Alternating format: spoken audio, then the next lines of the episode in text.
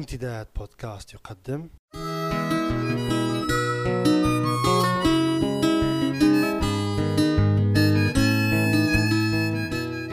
رسالة من لندن.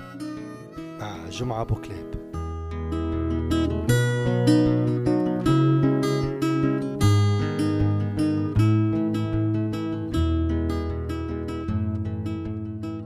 أزعل جدا حين ترفض أمولة بنتي بعنادها الطفولي مرافقتي إلى محلات تيسكو السوبر ماركت بغرض التسوق الأسبوعي الذي تعودنا عليه كل يوم أحد.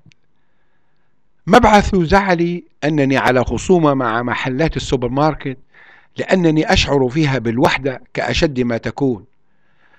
بعكس الحال في الأسواق الشعبية التي تختلط فيها الأصوات وتستجيب الروح جذلة إلى دفء التزاحم والتنوع في الإيقاع الإنساني.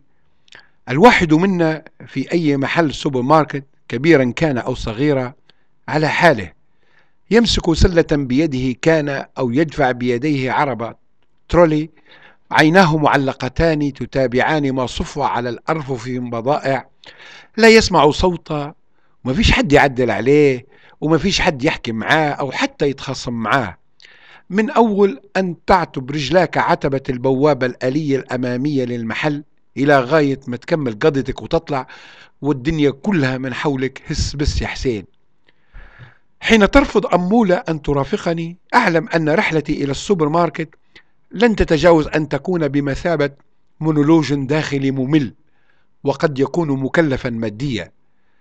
رفقة أمولة تعني أنني منذ بداية الرحلة وحتى عودتنا إلى البيت منخرط في عملية تواصل وحوار وتعلم إنساني. رفقة أمولة لي إلى محل السوبر ماركت ضرورية مثل ضرورة الحرص على فتح كل نوافذ الروح الإنسانية لتدخلها الأضواء والظلال من كل الاتجاهات لتزداد خصوبة في تنوع الخيال. الأسواق الشعبية لا تتساوى كلها في نفس الدرجة. فدرجة التواصل الإنساني في الأسواق الشعبية الإنجليزية التي زرتها وعرفتها تختلف تماما عن الأسواق الشعبية الليبية في المدن والقرى على سبيل المثال لا الحصر. السوق الشعبي الإنجليزي هادي في أغلب الأحوال ولا مكان به للمقايضة وكل ما يعرض فيه من بضائع مسعر. دنيا مستفة ومنظمة وكل محل برخصته وتخصصها التجاري والباعة لابسين مراييل يا خالتي عاشورة.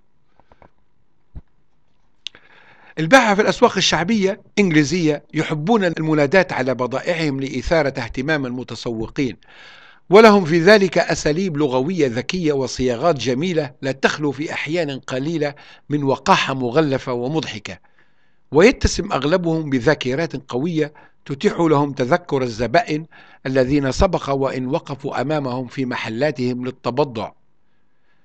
في الباب الجديد السوق الشعبي الأول الذي عرفته في طرابلس ترتفع نسبة درجة التواصل الإنساني إلى حد التصادم والاعتداء والضرب والركل في بعض الحالات. تخيل وأنت صبي صغير مثلي تطلع من شارعكم في وسعية براس في آخر الحارة الصغيرة لتجد نفسك وجها لوجه في باب جديد مع الباب الجديد مفتوحا بحضوره التاريخي على المكان مع صورة للقلعة التركية العتيقة وأنت لا تعرف ذلك. وحين فيما بعد عرفت ذلك أدركت أيضا أنني كنت محظوظا لأني في مرحلة مهمة من عمري كنت جزءا عضويا من تلك البانوراما التاريخية وتنفست هواها وتنفست هواي. تدخل السوق من بوابة قديمة في السور منزوعة الأبواب. وينفتح أمامك عالم بشري يتقد حيوية وتنوعا. في الممر الصغير الذي يقود إلى داخل السوق يقف بائع الساعات والراديوات خلف طاولات خشبية بأحجام مختلفة يعرضون ما لديهم من بضائع. الحلاقون يحتلون ما بعد المساحة الصغيرة التي ما بعد الممر. معظمهم من كبار السن تراهم يحلقون شعور رؤوس زبائنهم أو يفصدونهم بالمغاطي. بعد المحلقين يأتي باعة تختلف بضاعتهم وتجارتهم ما بين بيع الكتب القديمة وتصليح الأحذية وصنع الصنادل من إطارات السيارات إلى بيع الخردة والأشياء المستعملة. سوق الخضرة يمتد بعد هذه البطحة في وسعية كبيرة حتى نهاية السوق على الشارع الرئيسي حيث تصطف عربات الخبازة مليئة بأصناف الخبز. على يمين الخبازة تصطف ساحة التاكسيات الشعبية روميس التي تربط بين طرابلس والمدن الأخرى شرقا وغربا وجنوبا. رائحة الخضرة الطازجة ممزوجة في طزاجة الأرغفة والمليح انقض يا ماشي قول لي جاي كان السوق آنذاك دائرة إنسانية تنفتح على الصباح مبكرا وتتسع في أنحائه بمرور الساعات ثم تتناقص وتخبو كلية في ساعات المساء لتشتعل في مساحة بشرية أخرى. في الباب الجديد سعر كل بضاعة يتحدد في أغلب الأوقات وقتيا بين البائع والمشتري. وكثيرا ما تسمع يا أخوي فلوسك في جيبك وبضاعتي قاعدة عندي شوف لك غيري. مرات تسمع صوت بائع يرتفع في حدة نابحا في وجه زبون مزعج وبخيل. هذا هو السوم خذ ولا خلي. كان يعجبني وما زال هذا القول الشعبي السائر. خذ ولا خلي. الذي قد يقوله بائع إلى مشتري في أي سوق شعبي في أي مكان. وتحول هذا القول السائر مع مرور الوقت إلى مثل شعبي يستخدم في دوائر اجتماعية بعيدة كل البعد عن أصله الذي نشأ فيه. وأنا شخصيا صرت أحاول الاستفادة منه في بناء نسق فكري خاص يمكنني تحويلها إلى سلوك واقعي وعملي يقلل ولو قليلا من هموم أتعابي في الدنيا. في أسواق الأفكار والنظريات الفلسفية والسياسية الذي يمتد على جبهات العالم العديدة تبرز الديمقراطية كمصطلح فلسفي وسياسي معبر عن مذهب فكري معروف بقواعد معروفة وبنظم يتفق جميع اللاعبين على احترامها رغم اختلافاتهم. باختصار الديمقراطية زي ما يقول الإنجليز full package إذا أردت عليك أن تقبله بما فيه ولا مجال لأي مماحكة ومن الأخير خذ ولا خلي. هي هيك وتظل. لكن لكل لعبة قواعد وأصول ولوائح وعلى اللاعبين التقيد بها جميعا. وغير مسموح لأي لاعب أن يرفض الاعتراف بجزء من اللوائح المنظمة للعبة. لأنها تتعارض مع عقيدته أو فلسفته أو مبادئه مثلا. الديمقراطية وجدت لإدارة الاختلافات سلميا بين البشر في المجتمعات. وهي نفس الاختلافات التي تقمعها الدكتاتوريات بقوة العصف بحجة ادعاء الاتفاق.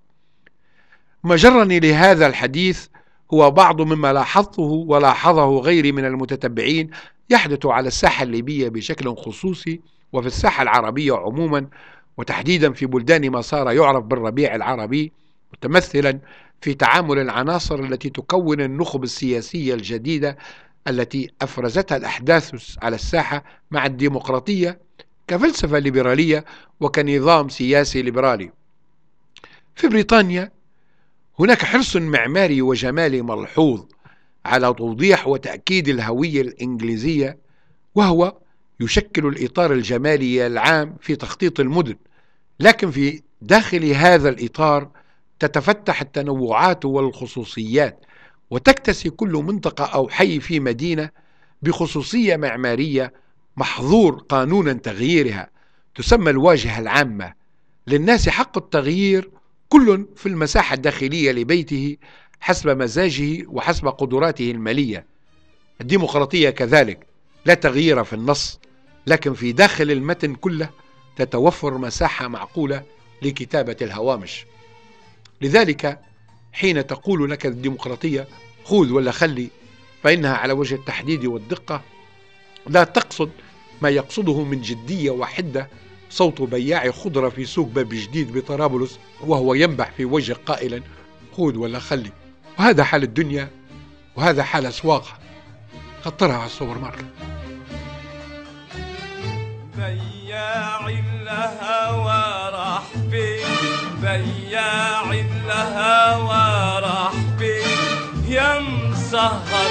يا مسهر يا مسهر دموع العين. فين